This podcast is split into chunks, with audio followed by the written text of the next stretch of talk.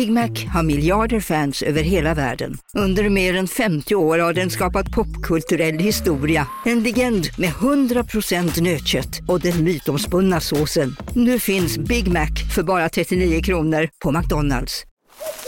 Okej hörni, gänget! Vad är vårt motto? Allt är inte som du tror. Nej, allt är inte alltid som du tror. Nu täcker vårt nät 99,3 procent av Sveriges befolkning baserat på röstteckning och folkbokföringsadress. Ta reda på mer på 3.se eller i din 3-butik. Hej, Synoptik här. Livet med glasögon ska vara bekymmersfritt. Därför får du 30% på alla glasögon när du väljer Synoptik All Inclusive. All service ingår alltid. Välkommen till Synoptik.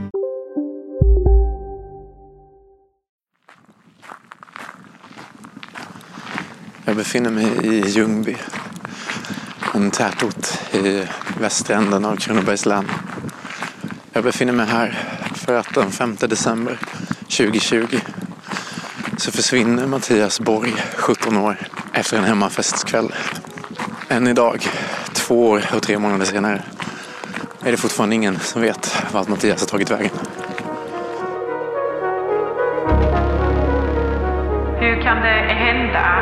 Lilla Ljungby, mitt bland oss, att ett barn försvinner? Och många tänker ju att det kunde ha varit mitt eget barn. Mattias är borta, ja. Ingen kan ju med säkerhet säga att han är, är död. Den sista iakttagelsen av honom görs i Replösaområdet i Ljungby, Småland. Han är 175 centimeter lång och vägde då runt 65 kilo och hade kortklippt blont hår. Och sen så beger vi oss hem till mig och så, där så sticker Mattias. Vid försvinnandet bar han en vit tröja och jeans. Det är också en massa teorier alltså, som har hörts att han har ryckt i garageportar och knackat på dörrar och sånt där. Ser man en person som är skräckslagen och verkligen har panik, för det såg ut som att han hade panik, eh, då hade man väl agerat, tänker man ju själv. Såg jag någonting som kunde se ut som ett byxben och eh, att man såg knät. När polisen fick se det så då beslutade de att det skulle dykas dagen efter. Under onsdagen upprättade polisen en anmälan om människorov och inledde en förundersökning. Vad jag vet sa att eh, du får tillbaka, veta vad Mattias säger om du betalar så mycket. Vi var nog rätt säkra på att nu hittar vi honom. Strumpan som hittades i ett skogsområde i Ljungby tillhör den försvunne 17-åringen som har varit försvunnen sedan början av december. Jag tycker att man bör gå på varje spår om det möjligtvis kan leda fram till finnandet av Mattias. För då vet vi att troligtvis har han varit uppe och rört sig. Det är ju ett bevis på att det är hans strumpa. Han är ju liksom närvarande så för alla, för liksom han, han glöms inte bort. Ja, men det är ju liksom målet att kunna ge familjen ett avslut, att, att få reda på kanske vad som har hänt och att han får liksom komma hem. Var det ett pojksträck eller vad är det ett spår? Mm. Eh, då känner man så här, är det någon som varit uppe och jävlats? Det är ju jävligt dumt. Men man vill ju veta det då.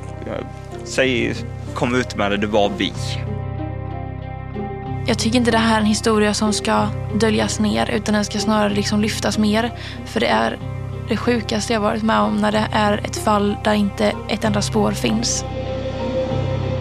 Det här är Försvunnen. Fallet Mattias. En podcast av A Rabbit Hole för Nordio. Vill du höra avsnitten före alla andra? Ladda ner Nordio-appen.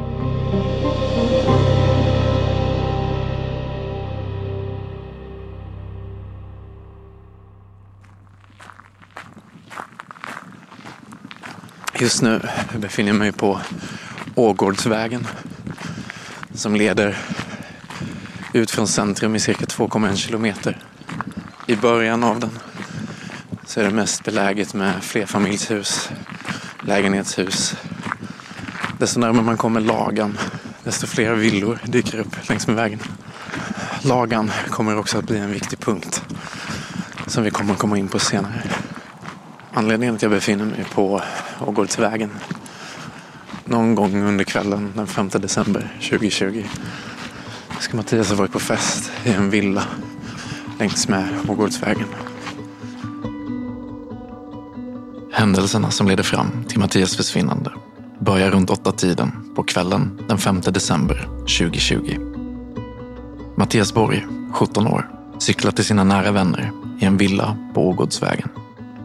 Enligt en tidslinje som Mattias mamma publicerat i sociala medier så ska Mattias ha druckit två folköl och en Jack Daniels-grogg under kvällen. Mattias vänner, som är med under kvällen, säger att ingen i gänget dricker särskilt mycket eftersom målet aldrig var fest. Runt nio tiden samma kväll beger sig Mattias och kompisgänget till en annan fest hemma hos en tjej på Klotvägen som ligger cirka 600 meter från villan på Ågårdsvägen. Cirka tre timmar senare återvänder gänget till Ågårdsvägen. Strax efter klockan ett på natten säger Mattias till sina vänner att han ska dra. Han lämnar festen utan skor, jacka, mobil och han tar inte heller med sig sin cykel. När Mattias tvillingbror, som umgicks i samma kompisgäng, kommer hem märker han att Mattias inte är hemma och ger sig ut för att leta tillsammans med deras mamma. Enligt statistik från SMHI ligger temperaturen strax ovanför nollan under den här kvällen. Och det faller ingen snö eller regn. Men någon typ av nederbörd hade kommit tre dagar tidigare. Jag har kommit i kontakt med Nelly. Hon är en av vännerna som träffar Mattias natten till hans försvinnande. Hur eh, kände du Mattias? Ja, alltså vi var väl inte så nära på det sättet att vi hängde varje dag egentligen eller att vi hade daglig kontakt. Utan det var mer, ja, när vi var yngre tränade vi tillsammans på friidrott. Alltså i en liten grupp då med Mattias, hans brorsa och en till kompis då och så är det jag som sprang lite längre. Mycket sprint och långdistans. Vad var det Mattias själv höll på med i friidrotten? Långdistans, mycket. Alltså Mattias var riktigt bra på långdistans och även hans brorsa så det var någonting i generna tror jag. Ja. Alltså otroligt bra. Och sen eh, eh, träffades man sen när man blev lite äldre på så krök och man kunde träffas på kvällarna på helgerna mest Mm. i större gäng. När ungefär började ni liksom ses på krök och sånt där? Var det... Ja men det var väl typ i ettan skulle jag säga. Jag var inte så mycket för sånt egentligen utan det var bara att jag hängde med mina kompisar som var kompis med dem. Alltså att man hängde med. Det blev att man följde med och så blev man kompis med kompisarnas Ja, men kompisar. såklart. Vad var din bild av honom under de gångerna ni träffades? Väldigt lugn men också kan ha sina så här Alltså glädje, alltså han är alltid glad eh, och eh, väldigt duktig på, alltså smart. Det är som att fråga Google nästan. Och det kan man kanske inte tro egentligen när man har alltså mycket annan så här eh, utifrån tror jag inte man har tänkt det. Om de bägge för det har varit mycket krök och sådär genom alla åren liksom. Men alltså, känner man verkligen dem så kan man förstå att ja, jo, det är så det är och det är egentligen hela det kompisgänget. Att frågar man en fråga så kunde de det. Jaha, Eh, så så man hade så- väldigt intressanta samtal. Jätteintressanta. Vet du om han hade några andra typer av intressen sådär på fritiden? Eh, Jag tror de spelade ganska mycket så data som alla killar egentligen Ja, gör. Ehm, och um, vad jag för mig så tränade de också på fritiden ibland och sådär. Så det var väl bara att de, ja men skola, kompisar, mycket spel tror jag. Hur var det här kompisgänget? Man hittade alltid på någonting på helgerna och man visste att ja, men på helgerna så ses vi. Man behövde liksom inte ens eh, skriva det utan då sågs vi. Och, så det var ofta kul och vi hängde då i den här kompisens källare där allting också startade. Källaren ligger hemma hos kompisen Lukas föräldrar på Ågårdsvägen. Där har han ett rum som fungerade som en samlingsplats för vännerna. Ja men det var liksom placet man var på. För det, han hade en källare för sig själv. Eh, så det var liksom stort och eh, det var ingen förälder som stördes riktigt heller. I många andra hus så är det ju oftast att föräldrarna också är hemma och det, man kan inte vara så sent då.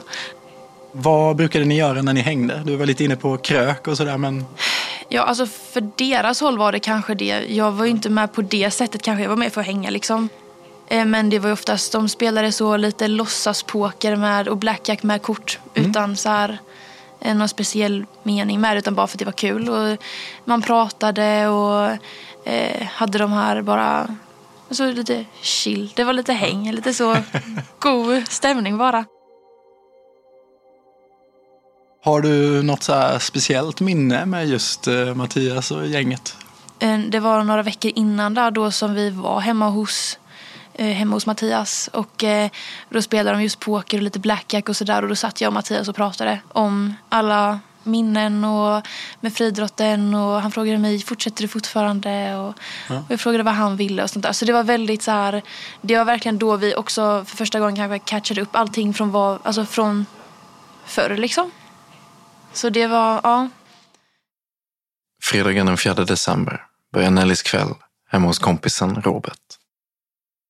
Ja, en vanlig fredag och vi eh, kände, ska vi göra något mer idag kanske? Så här. Ja, men de eh, eh, festade lite hos då en av våra kompisars tjej på Klotvägen. Ja, det är där ni träffas. Ja, det är där det startar. Så då cyklar vi dit. Eh, vi har egentligen bara haft så verkligen en lugn kväll. Bara suttit och bara pratat hemma Mm. hos Robert och kollat lite på Youtube och så. Och sen cyklar vi dit och eh, det är typ bara, alltså det är bara hög musik och de sitter runt ett bord och pratar liksom. Platserna Nelly pratar om kommer att bli centrala för den omfattande sökinsatsen efter Mattias. Och därför kommer de även vara centrala för den här podden. För att bättre förstå vilka platserna är och var de ligger så vill jag ge en kort beskrivning. Genom Ljungby flyter ån Lagan som sträcker sig 232 kilometer från Taresjön i norr till Laholm i syd. För att ta sig över Lagan i Ljungby finns tre gångbroar. Genomgående för den här podden så kommer vi att utgå ifrån Ågårdsbron. Vi kommer därför förhålla oss till väderstreck med avstamp från just den bron. Sen när vi pratar om väster eller öster om så är det öster eller väster om Ågårdsbron som vi menar. Nelly och hennes vänner möter upp Mattias och hans kompisgäng på Klotvägen som ligger två tvärgator öster om Ågårdsbron. Runt midnatt kommer ett äldre syskon och säger till ungdomarna att de måste lämna huset. Kompisgänget börjar därför den 600 meter långa gångvägen tillbaka till Ågårdsvägen. Eh, så vi går ut ur huset där då och då minns jag också att jag pratade med Mattias. Och just om eh, det här, om vad ska du göra efter studenten och vad vill du? Alltså så här, så och det var då han berättade det här med lärare då att eh, han så gärna vill bli lärare och att det känns så himla kul att få lära människor. Ja, få göra ett, alltså så här, mer ett jobb där man har en mening. Och jag tyckte det var så fint. Jag vet, jag bara stod och bara, ja, alltså verkligen, det ska du bli. Um, men sen så var det inget mer med det. Sen gick vi och då var det ett stort gäng som man bara gick liksom över, eh, över bron och till Ågårdsvägen. Och sen stannar jag, um, jag vill minnas det var att det var jag, Ebba, Robert och Minou som stannade. I alla fall jag och Ebba stannade utanför huset för vi bara, nej vi går inte in. Jag ska upp och jobba vid, typ, jag ska upp vid halv sex, sex och jobba på baket där då, ett eh, café. Äh, café. Uh, så jag bara, nej men jag stannar utanför. Så stod vi och pratade med brorsan. Och då hade också eh, Mattias gått in.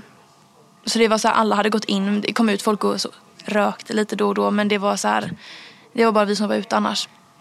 Och sen kvart i ett så bara, nej nu måste jag hem. Alltså Nelly snälla du måste hem nu. Du ska sova, du ska upp och jobba om fem timmar. Du måste gå hem nu. Så jag och Ebba cyklade hem för vi cyklade åt samma håll. Gick och la mig och det var inget mer med det. Och sen när jag vaknade så var hela min snap fylld utav på så här stories Mm. att, och på Instagram. Att se, eh, vet ni vad Mattias är? Ring polisen eller Erika. Och jag bara, "Ja, men snälla han har ju typ dragit hem till någon tjej eller någonting. Ja. Eller så däckat hos någon kompis, alltså vad vet jag. Eh, och så skrev jag det för jag var den första som var vaken och de var fortfarande vakna. Mm. Och vet, jag bara, va? Eh, så jag verkligen jag var ett frågetecken. Jag var jätte så här, bara, men snälla, alltså va? Eh, och de bara, nej alltså Nelly han är borta på riktigt. Jag bara, skojar ni?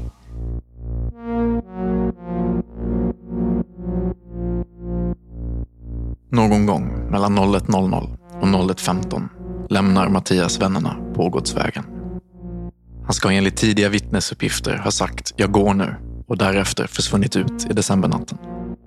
Runt 01.20 startar Mattias ett larm kopplat till en garagedörr vid smalspåret. Strax efter klockan 01.30 fångas Mattias av en övervakningskamera på smalspåret vid två tillfällen med fem minuters mellanrum. Någon gång vid den här tiden fångas Mattias även på en Snapchat-video av en av personerna som bor vid smalspåret. Han ses då springa längs med gatan, endast klädd i en t-shirt. Samtidigt anländer Mattias bror hem till deras mamma, cirka en och en halv kilometer därifrån, i Ljungbys centrala delar. När de båda inser att Mattias inte har kommit hem beger de sig till adressen på Ågårdsvägen för att se om Mattias har blivit kvar på festen. Ytterligare fem minuter senare aktiverar Mattias ett larm på ett av husen på smalspårets baksida mot Sickingevägen. Han ska strax efter detta ha träffat en man boendes på smalspåret och bett om ett glas te, men nekas eftersom det varit en del inbrott i området i närtid. Cirka tio minuter senare, runt tio i två, görs den sista observationen av Mattias. Han pratar med två män boendes på smalspåret och frågar om vägen till centrum. De båda männen pekar till vänster mot Ågårdsbron. Mattias ska enligt vittnen ha svarat på återseende och därefter börjat springa i motsatt riktning, alltså åt höger, mot Pålsvägen. Männen uppfattar honom som artig och lite påverkad. Andra obekräftade uppgifter säger att Mattias ska ha uppfattats som stressad den här kvällen. En av männen som pratar med Mattias försöker följa efter honom med sin bil och kör mot Norrleden, norr om Ågårdsbron, men lyckas inte se honom. Därefter är Mattias spårlöst försvunnen. En timme efter det så står Mattias mamma och bror vid en korsning i anslutning till Ågårdsvägen och tycker sig höra rop komma från Replösområdet, öster om Ågårds. Nu på Storytel. Försvarsadvokaten Lydia Levander får chansen att lösa sitt största fall genom att försvara en misstänkt mördare. Hur långt är hon och kollegorna på advokatbyrån Pegasus beredda att gå? Fallet Mikaela. En ny deckare från succéförfattaren Anna Bågstam. Lyssna nu på Storytel.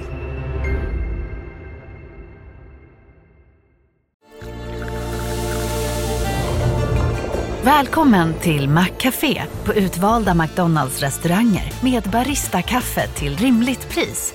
Vad sägs om en latte eller cappuccino för bara 35 kronor? Alltid gjorda av våra utbildade baristor. Hej Sverige! Apoteket finns här för dig och alla du tycker om. Nu hittar du extra bra pris på massor av produkter hos oss. Allt för att du ska må bra. Välkommen till oss på Apoteket. Bron, cirka 300 meter ifrån festen Mattias varit på. Det kom in en anmälan då vid 02.19 den femte eh, från mamman då att eh, hennes son Mattias är försvunnen. Då kommer samtal till polisens ledningscentral i Malmö. Den polis som kommer att leda utredningen efter polisens tidiga insatser är kommunpolisen Hans Sjöberg. Jag kontaktar honom för att höra hur polisen har gått tillväga under sökandet efter Mattias. Alltid vid ett sånt här försvinnande så, eh, så det, operatören drar ju det för ett befäl där nere som gör en bedömning. Nere på sån här finns det både ett vakthavande befäl givetvis men det finns även ett, ett RKC-befäl, alltså ett befäl som prioriterar jobben. Eh, och, men, men hur som helst så skickas det ju en patrull till platsen då, där festen har varit. Så det är det som händer initialt. Och när påbörjar man sökinsatsen? Man påbörjar ju sökinsatsen redan på natten där. Alltså Ja. man börjar ju med någonting som heter närsök, som vi alltid gör. Och i det här fallet så söker man ju igenom huset. Och det innefattar ju garage och förrådsbyggnad och sånt. Och det är alltid så att eh, när vi kommer och säger att vi ska göra det så blir ju personerna i fråga förvånade för de känner själva att de har sökt igenom huset. Men det har ju hänt ett antal gånger att en person ändå har legat någonstans. Ehm, och man även kontrollerar ju med mamman då så att han verkligen inte är hemma. Sen, sen har vi en, en, en natt där, där, man, där man likadant söker i, i närområdet i eh, öppna, alltså olåsta utrymmen hos grannfastigheter, eh, redskapsskjul och sånt där. Ehm, man går på cykelvägen nedanför och det tillkommer ju patruller. Jag, jag kan inte exakt hur många. Jag vet i alla fall jag eh, när jag tittar på det att klockan fyra så är det en hund på plats. Eh, Men, det- men det pågår ju alltså eh, ett sök här och man intervjuar de andra ungdomarna. Man intervjuar tvillingbrorsan. Eller ja, förhör eller intervjuar. Det är ju ingen förundersökning då. Men Nej. man pratar med de här inblandade. Och eh, försöker få en bild då. Samtidigt som det letas i, i området. 20 över två, natten till den 6 december, mottar polisledningscentralen i Malmö samtalet om att Mattias har försvunnit. Uppgifterna i tidslinjerna varierar, men Mattias försvinner någon gång runt klockan ett på natten. Polisen påbörjar sitt sökarbete strax efter att samtalet kommit in med att göra sökningar i närområdet och i villan på Ågårdsvägen. Polisen genomför även intervjuer med Mattias vänskapskrets. Ganska tidigt under kvällen där så, så ehm, vad jag vet vakthavande befäl i Malmö och den som är yttre befäl här och en eh, FU-ledare som gör bedömningen att det här är en eh, olyckshändelse. Någon gång eh, under eh, dagen därpå, alltså lördag dag, där så fattar ju, eh, fattas det ju beslut om att man ska inleda eh, eh alltså sök enligt eh, lagen om skydd av olyckor då, alltså räddningstjänstärende. Vilket ju ger oss större resurser då, polisiärt och andra samhällsresurser. Och räddningsledare i det här fallet är ju vakthavande i Malmö då. Så någon gång där under lördagen så fattas ju beslut då. Så här sa Evelina Olsson vid polisens ledningscentral om sökinsatsen. Än så arbetar vi med full intensitet eh, och det är planen att fortsätta så här under kvällen. Sen görs det ju löpande värderingar av den aktuella situationen. Eh, än så länge så, så är det oförändrat sökarbete. Och det som tillförs då är ju mer personal och det är eh, fler hundar och det Helikoptern får dröja lite på grund av vädret men det kommer sen också, det kommer även från rytteriet i Malmö som kan rida igenom större terräng då. Så det tillförs ju väldigt mycket resurser. Sedan 17-årige Mattias lämnade en bekants hem i Ljungby vid halv ett-tiden under natten till lördagen har han inte sett still och hundratals frivilliga söker efter Mattias. Missing People, Försvarsmakten, Hemvärnet och frivilligorganisationen FIP. Polisen har även kopplat in rytteriet och flera hundpatruller är på plats. Den som ser Mattias uppmanas att ringa 112 och de som har uppgifter som kan hjälpa polisen uppmanas att ringa 114 14. Peter Martin var yttre befäl natten då Mattias försvinner. Han fick i uppgift att organisera de första sökinsatserna som kommer att bli grunden till den utredningen om vad som har hänt Mattias. Ärendet eh, kommer ju in alltså som en helg och eh, att vi har eh, liksom eh, yngre människor som är borta. Där har vi varje fredag, lördagkväll i, eh, i, i ganska så stor omfattning. Att eh, typ från 15 upp till 20-21 år eh, försvinner från en fest eller liknande eller inte kommer hem och så. Och det som då är, är det bra med det här eh, ärendet är ju att eh, man har ju liksom eh, tagit in, man har gjort den sedvanliga intervjun och fått uppgifterna att det har försvunnit från en fest och inte kommit hem. Det har funnits påverkan av då ganska så hög berusningsgrad bland både uppgiftslämnare och den försvunna. Och där har vi ju många ärenden som man i normalfallet faktiskt lägger som att vi avvaktar. Men i detta fallet har man ju hittat farligheten att det kan ha hänt någonting. Och det är ju också vid en sån tidpunkt på året då vädret är farligt, det vill säga det är kallt, blött och liknande. Så att man har ju skickat resurs. Vi har ju prioriterat ärendet högt. Hans Sjöberg igen. Vi har ju ett, ett metod, en metod som vi kallar MSO. Eh, ett metodstöd för att söka och, och där utgår man ifrån där han såg sista gången säkert och det vet vi då.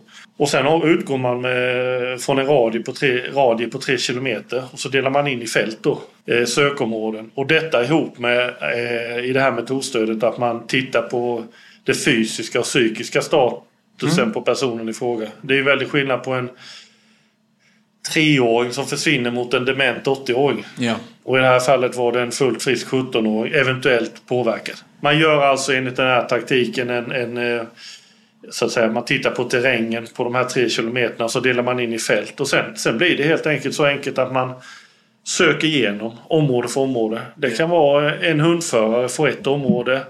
Det kan vara skallgångskedja som för ett och sen när de säger här är han inte så bockar man av det. Alltså under, när det var räddningstjänstärende, alltså enligt LSO så hade vi ju de här specialsökhundarna på plats. Som inte fick upp något spår.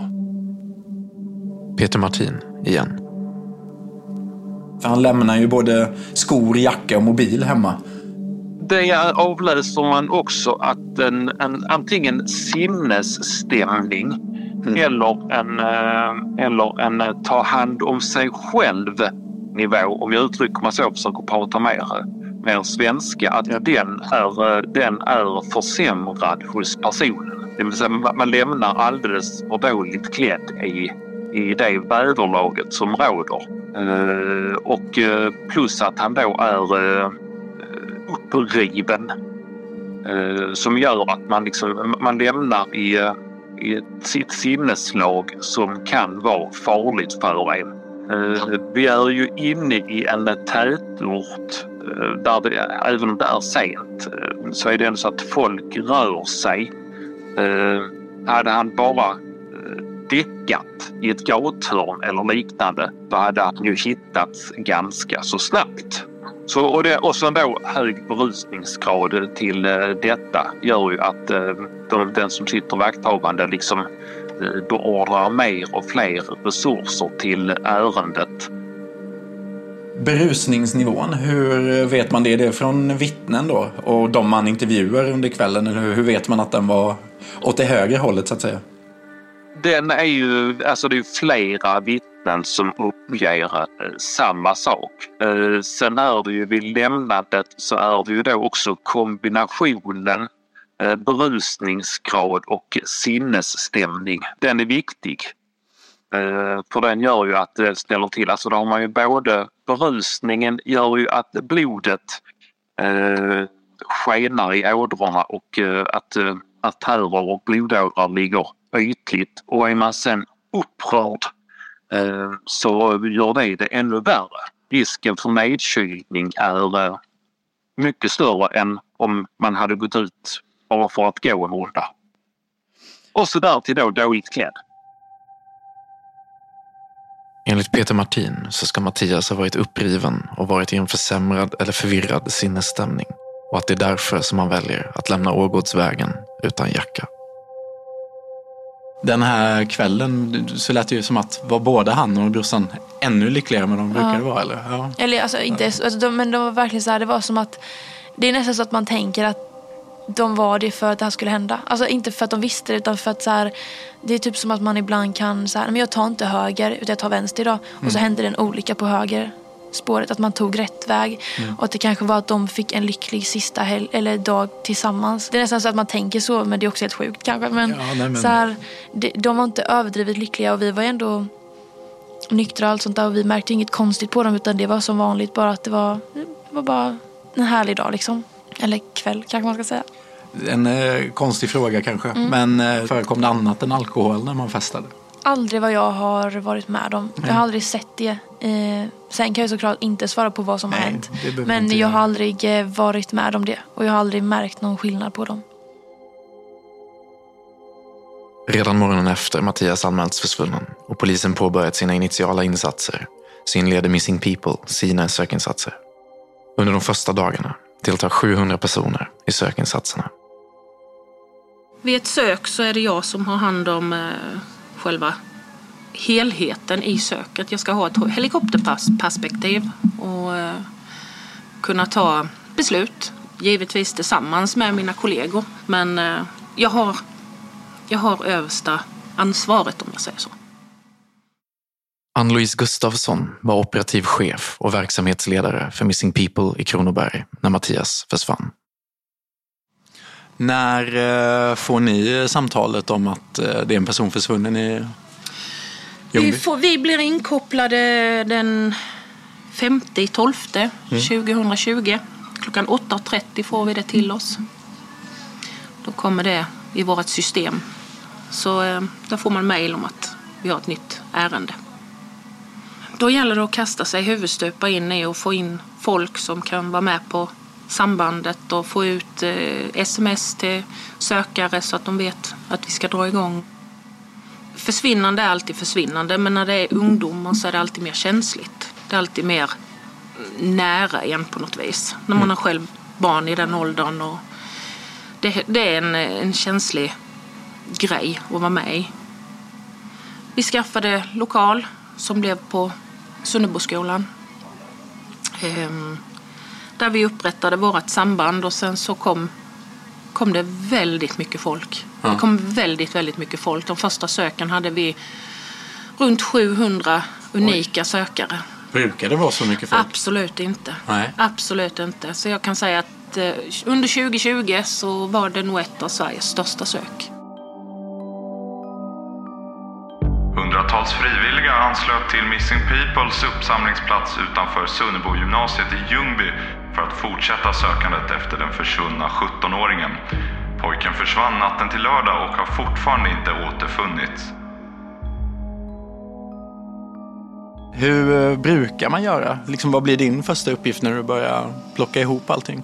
Man eh, ja, samspelar med sina, sin gruppchef då till exempel som har hand om kartorna. I detta fallet var det ju polisen som eh, hade hand om ärendet. Då får vi ju kartor från polisen som vi i vår tur får montera ner i lite mindre områden. För polisen har väldigt stora områden. Eh, Så vi får inte besluta själva var vi vill gå någonstans utan vi får de, deras område. Här vill vi att ni söker. Eh, Så monterar vi ner det lite mindre och eh, sen får vi dela ut detta till sökare. Vi gör grupper på sökare då, att de ska vara kanske tio stycken i en grupp med patrulledare. Och sen eh, får de instruktioner på när, var, hur, vem man Ja. letar efter.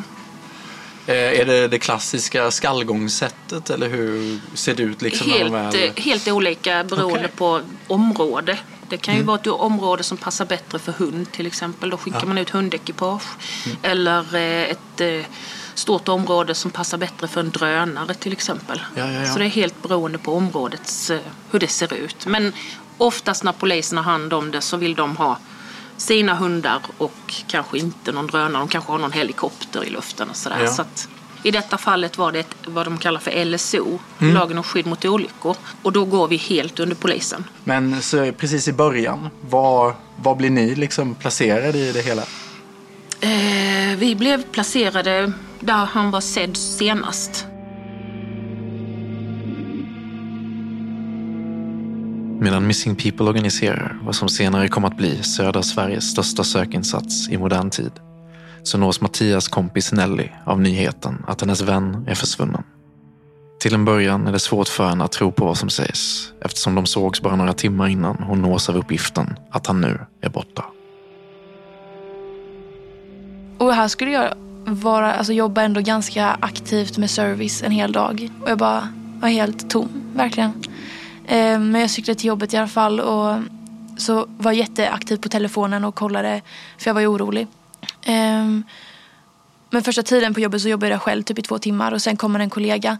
Ehm, och då har jag inte hunnit kolla på telefonen så när jag går in när hon väl kommer så bara ser jag hur det är på Facebook att folk har lagt ut. Och jag bara, vad är det här? Och jag minns hur jag bara frös och fick så gåshud på hela kroppen och bara, va? För att det var så, för typ sex, sju timmar sedan hade jag pratat med honom och Mm. nu är han borta. Det är så, man kan typ inte förstå den känslan riktigt. Det blir overkligt. Det är jätteoverkligt. Och sen eh, ser jag hur Missing People lägger ut och då känner jag nu är det på riktigt. Och sen lägger polisen ut. Både i, eh, alltså så här i Götaland och i Skåne. Det gick inte att ta in. Jag kunde inte jobba, jag kunde inte koncentrera mig. Jag fick liksom panik typ. Jag visste inte vad jag skulle göra. Skulle jag egentligen jobba det långa passet som var till halv tre. Men så tog hon det så jag fick gå hem vid ett tror jag det var. Eh, Men då gick jag ju direkt till ån. För Okej. där var alla på min snapkarta verkligen. Eh, Och alla mina kompisar. Så jag bara stack dit och vi grät och alla var helt så förtvivlade. Och när jag kom dit så alltså man såg bara alltså hur många brandbilar som helst. Det var båtar i hela ån. Eh, ambulansen, polisen, alltså alla var där. Och jag, det gick som tusen tankar i mitt huvud. Alltså det kan oftast vara väldigt mycket tankar men här var det verkligen så många scenarion som byggdes upp och man la någon skuld på sig själv. Att bara så här, hade jag stannat en kvart till så hade han kanske inte försvunnit. Mm. För att han skulle tydligen ha lämnat vid ett då. Mm. Och jag gick eh, kvart i ett. Och så blir man, men det ska man ju såklart inte göra men det Nej, blir ju så man tänker. Efter det så bara går vi. Vi går och går och går. Alltså jag kanske går hem typ mellan mitt jobb och att vi går så gick jag hem och hämtade varmare kläder men sen gick jag ut direkt och gick. Okej. Eh, så jag gick hela lördag eftermiddag då och kvällen upp på natten med mina kompisar då såklart. Vi gick alltid tillsammans. Mm. Um, och det var så fint också för man såg hur så Missing People och andra sådana organisationer kom och hade så eh, matpåsar till oss, och, alltså till alla som gick. Och det var skallgångsgång på alla åkrar och i skogarna och i hela stan. Det var militären var här. Alltså det var så, man gick runt och var liksom helt Alltså, alltså hade gåshud hela tiden på sig för det var så himla fint också men också helt fruktansvärt att detta mm. ska behöva ske. Och att ingen hade hört något. Mm. Vad är det liksom för tankar som går i huvudet på en när man går runt där? Kan man ens tänka på någonting eller är det bara ett kaos? Alltså det värsta var väl typ att man hörde någonting och man liksom så här visst, visste inte vad man skulle i så fall få se. Och, eh, och det också var väl att man förstod, eftersom det var vinter, att så här, hur många timmar som helst klarar man sig inte utan Nej. kläder. För han hade ju ingenting med sig. Ja, det, vi gjorde i alla fall, vi gick ju, alltså på den helgen, vi gick nog, alltså på en och en halv dag gick vi 80 000 steg. Oj. Vi gick verkligen hela tiden och föräldrar kom också och körde. Det var jättefint att eh, bjöd på mat och sånt för vi kom ju aldrig hem åt riktigt. Nej. Och alla var förtvivlade och man var inte hungrig heller så föräldrar fick liksom trycka i en mat. Men sen var ju också, mamma och pappa var oroliga att jag gick så sent också för att man visste ju inte vad som hade hänt. Är det någon som härjar runt här och liksom tar människor eller vad händer? Och eh, det fortsatte ju letas och det var ju väldigt mycket tips som kom in, alla möjliga slag som skulle betas av. Så att, alltså rent det var ju väldigt mycket sökinsats kvar. Och eh, det var ju många, det var ju många privatpersoner som ville hjälpa till så att det, det fortsatte ju. Och de här organisationerna fortsatte och det var ju privata hundförare så det var ju, det var ju jätteinsats som fortsatte. Den 9 december tar fallet en ny vändning.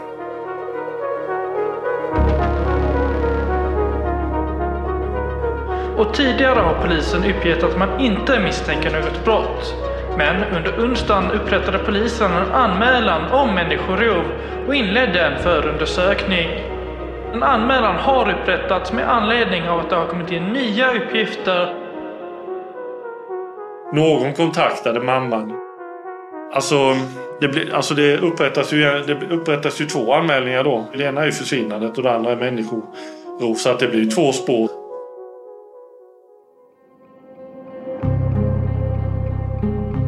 Du har lyssnat på Försvunnen, fallet Mattias. En podcast av A Rabbit Hole för Nordio. Jag heter Alessandro Nilsson. Producent Robin Johansson. Exekutiv producent A Rabbit Hole Maria Thulin. Exekutiv producent Nordio Mark Malmström Fast. För att höra avsnitten före alla andra, ladda ner Nordio-appen. Finns där appar finns.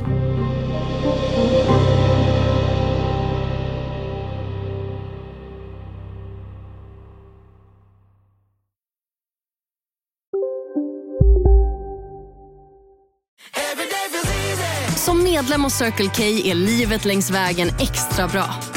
Just nu får du som ansluter dig 50 öre rabatt per liter på de tre första tankningarna och halva priset på en valfri biltvätt. Och ju mer du tankar, desto bättre rabatter får du. Välkommen till Circle K. Ska några små tassar flytta in hos dig? Hos Trygg Hansa får din valp eller kattunge 25% rabatt på försäkringen första året. Läs mer och teckna djurförsäkringen på trygghansa.se. Trygg Hansa, trygghet för livet. Upptäck det vackra ljudet av McCrispy Company för endast 89 kronor. En riktigt krispig upplevelse. För ett ännu godare McDonalds.